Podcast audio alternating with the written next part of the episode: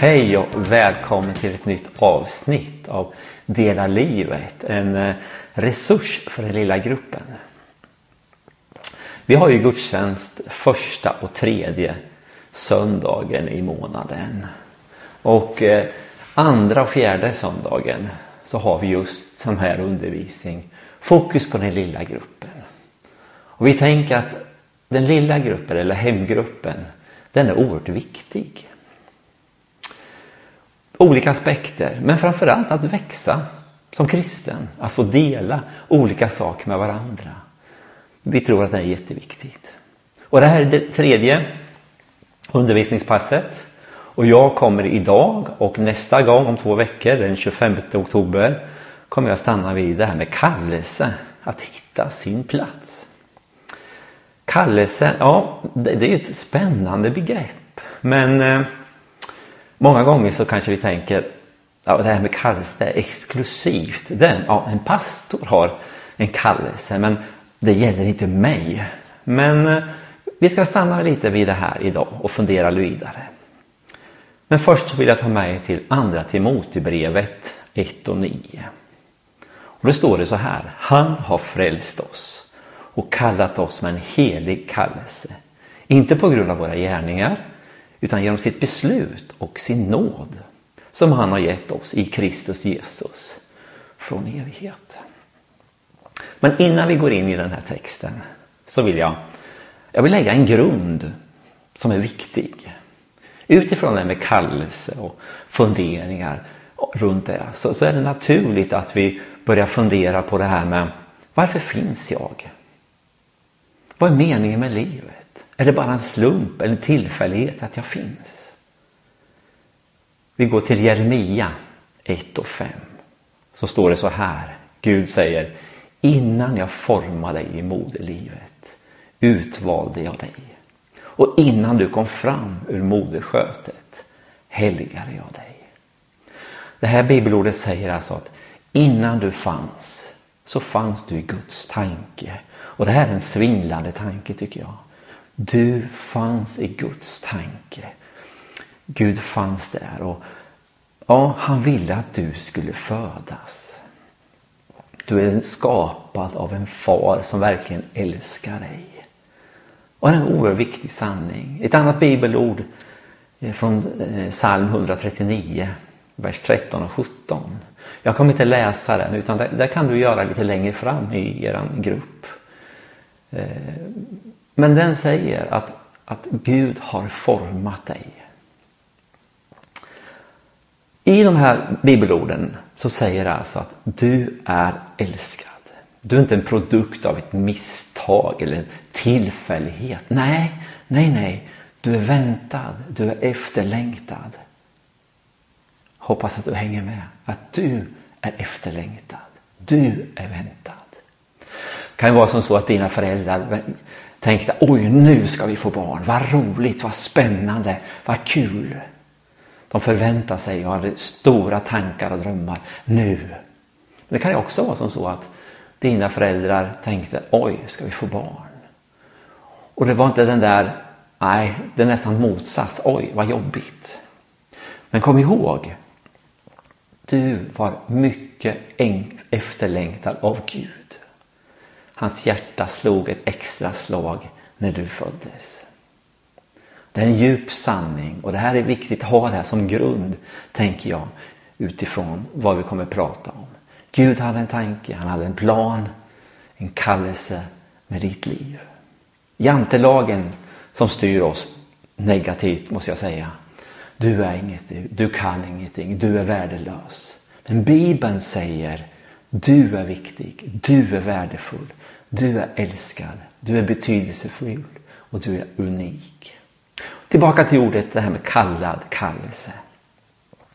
Det är nästan som man tänker att ja, men det är några få som är utvalda, några få är kallade, inte jag. Men kom ihåg vad jag läste från andra Timoteusbrevet 1 och 9. Han har frälst oss och kallat oss med en helig kallelse. I den kristna tron så är faktiskt kallelsen universell. Vad menar jag med det? Jo, det gäller för oss alla. Alla är kallade. Alla har en kallelse. Kallelsen gäller alla och är aldrig i första hand en kallelse till ett uppdrag utan till ett liv. Vad var det jag sa? Jo, kallelsen gäller alla och är aldrig i första hand en kallelse till ett uppdrag utan till ett liv. Följ mig, sa Jesus.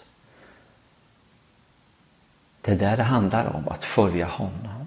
Lärjungaskap eller en lärjunge. Att följa och se och lära.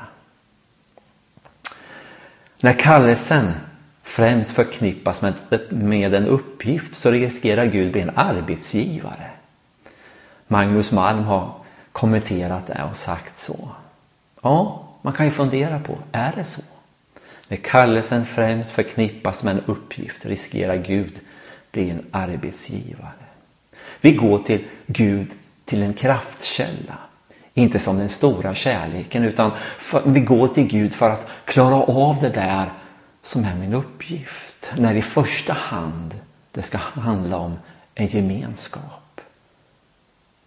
Följ mig handlar om att vara nära honom. Att umgås med honom bara för att han är han. Han har älskat oss. Han bryr sig om oss. Det handlar inte om, ursäkta uttrycket, att rabbla massa bönämnen. Utan det handlar faktiskt om, precis som Maria gjorde i, i vi kan läsa det i evangelierna. Maria satte sig vid Jesu fötter. Hon bara satt där. Och bara fick andas in hans kärlek. Visst får vi komma och rabbla bönämnen och då ska vi. Det står att vi får önska saker. Och det får vi göra. Men först och främst handlar det om just det här med Jesus. Att bara få vara nära honom. Alltså, genom att du är född så finns det en kallelse över dig. Följ mig. Men vågar vi göra det här då?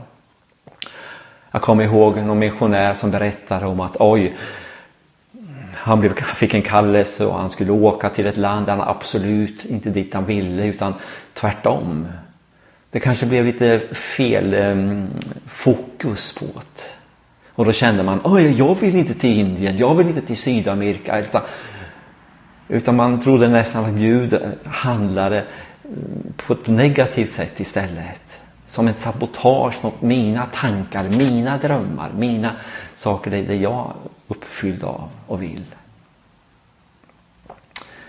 I Filipperbrevet 2.13 står det faktiskt för det är Gud som verkar i er, både vilja och gärning, för att hans goda vilja ska ske. Det är ett samarbete. Jag skulle vilja uttrycka det så här. Kallelsen leder oss närmare vårt sanna jag. Våra drömmar, det som finns här inne. Det jag har bär inom mig. Alltså inte bort från mig själv utan för mig närma mitt sanna jag. Jag känner en tjej som är idag 27 år. När hon skulle välja vilket språk hon skulle ha som andra språk i högstadiet så hade hon bestämt sig redan jag ska läsa spanska. Hon var så övertygad om spanska ska jag läsa. Varför då? Jo, hon hade en längtan att komma till Sydamerika, åka in till djunglerna och berätta om Jesus. Hon, eh, idag som sagt är hon 27 år. Hon finns med i eh, Ungdom uppdrag, UMU. Och hon har varit hon reste till Colombia och reste in ibland, långt in i djungeln. Och där fick hon berätta om Jesus. Det var hennes dröm, hennes längtan. Och Gud självklart var med där. Jag vill inte dit. Nej, jag hade andra drömmar och tankar. Det är så Gud fungerar skulle jag vilja säga. Han leder våra tankar, leder drömmar. Det är det som jag, jag längtar efter. Vågar man säga ja? Ja, första hand så, så handlar det om att följa honom. Det andra är ju då här att det finns ett uppdrag, det finns en kallelse att göra någonting också. Jag menar, jag är gift med min fru Anneli och eh, säger hon att kan du fixa det här? Självklart gör jag det, för jag älskar ju henne. Jag bryr mig om henne. Och det är så det handlar också. Jag älskar Jesus, han har gjort så mycket och därför såklart vill jag också betjäna honom, hjälpa honom så att säga. Det är ett samspel med de drömmar som jag har och det Gud har, har tänkt. Och det är spännande tycker jag. Någon har formulerat sig så här, och det kan man ju fundera på om det stämmer. Vi väljer inte vägen utan vägen väljer oss. Ja, fundera på det. Vilket fall som helst så handlar det om en livsgemenskap. En större kallelse än att älska Gud, ja det finns inte. Vågar jag säga jag? Ja, Gud våldför sig inte. Utan han säger Kom så går vi tillsammans. Och jag har sagt ja på den här kallelsen att följa honom. Ja, vill Gud någonting med mitt liv då? Ja, och eh, det vill han ju såklart. Men jag tror att vi stannar här idag och eh, så får jag fortsätta med det om två veckor. Tanken är nu att eh, det kommer upp en bild snart här. Då bland annat är bibelordet från Saltaren, psalm 139, verserna 13 till 17. Och då är tanken att du, ni läser det här tillsammans och stannar upp. Vad står det? Det här gäller faktiskt mig. Och så kommer några frågor också. Tanken är när den här bilden kommer upp så ska ni pausa och så titta på de här frågorna och läsa igenom det här bibelordet. Och, och samtala i gruppen. Känner ni att tiden rinner iväg och ni känner att ah, men nu, nu så, så, så är det lagom att avsluta. Men känner ni att ni vill fördjupa er lite så finns en liten fördjupningsdel här på några minuter. Med en fråga, ett par frågor där också sen. Men först nu så pausar ni här och sen eh, får ni upp en bild här med de här sakerna.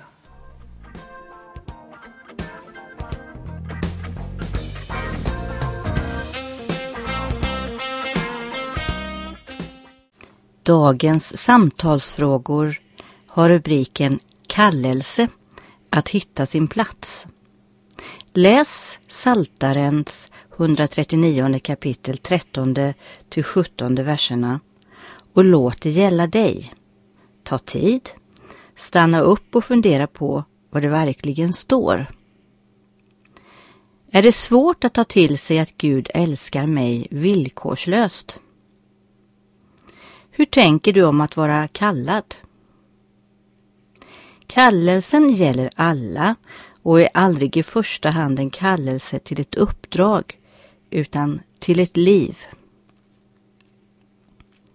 Finns det en risk att Gud blir en arbetsgivare? Fundera på uttrycket Följ mig. Hur påverkar det mig?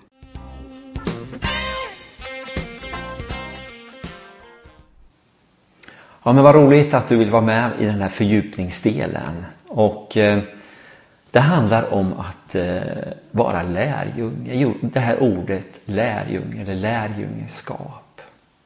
I Matteus 4 och 19 till 20 så står det så här. Han sa till dem, följ mig så ska jag göra er till människofiskare. Och i vers 20, genast lämnar de nätet och följde honom. De lämnade allt och följde honom. De hade en förtröstan på att ja, Jesus skulle vara med och hjälpa. Men det här lärjungaskap då, med lärjunge, vad betyder det? Jo, men det handlar ju om att vara en elev. Till exempel att bli en snickare så kan jag inte bara sitta i skolbänken och lära mig hur jag ska använda en hammare.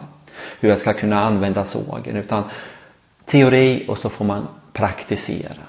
Det är precis som Jesus gjorde. Han satte sig ner, han undervisade lärjungarna, människorna runt omkring och sen fick de praktisera där de eh, fick lära sig.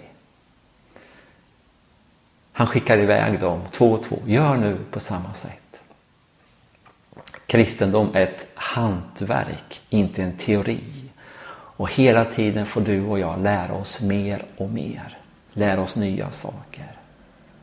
En lärjunge är en människa som lever var dag med sin lärare. På Jesu tid såg man Petrus komma gående så visste man här någonstans finns Jesus. För de var så tajta. De, de, de hängde ihop precis som de andra lärjungarna. De, de var där Jesus var. Det finns ett uttryck som, som heter så här.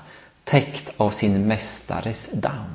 Och det betyder alltså att på Jesu tid I Israel, då var, det, var de ute och gick. Jesus gick där och det dammade så mycket. Och man var så nära Jesus eller läraren så att det dammet som kom från hans eh, sandaler, det hamnade på lärjungen. Att vara nära honom. En lärjung är en människa som ständigt blir mer lik sin mästare eller lärare. Det präglar både känsloliv, tanken, handlingen. Man till och med går som Jesus. Vi blir som de vi umgås med.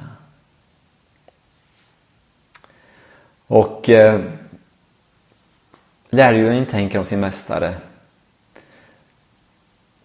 Gör Jesus, läraren, så här så kommer jag göra det också. Vi älskar människor för att Jesus gjorde det. Vi älskar människor, vi, vi, vi bryr sig om dem. Vi hjälper dem för att Jesus gjorde det. Han är vår föredöme. Att följa Jesus, kanske en modernare bild idag, det är att bjuda in honom. Inte att sitta i bagageutrymmet eller baksätet i, i min bil, utan handlar faktiskt om att han får sätta sig vid ratten och får jag sitta bredvid honom. Och det är en utmaning det här. Vad betyder det egentligen att lämna allt och följa Jesus? Här är lite tankar som jag vill skicka med er och eh, även här så kommer det upp några frågor här nu. Vad innebär det för mig idag att vara hans lärjunge? Att lämna allt, vad betyder det för oss idag? Likadant här, samtal om de här bitarna, fundera om det här med lärjungaskap. Här kan du pausa när bilden kommer upp och eh, efter det så är den här undervisningen slut. Och då vill jag tacka dig för att du vill vara med på denna. Gud välsigne dig.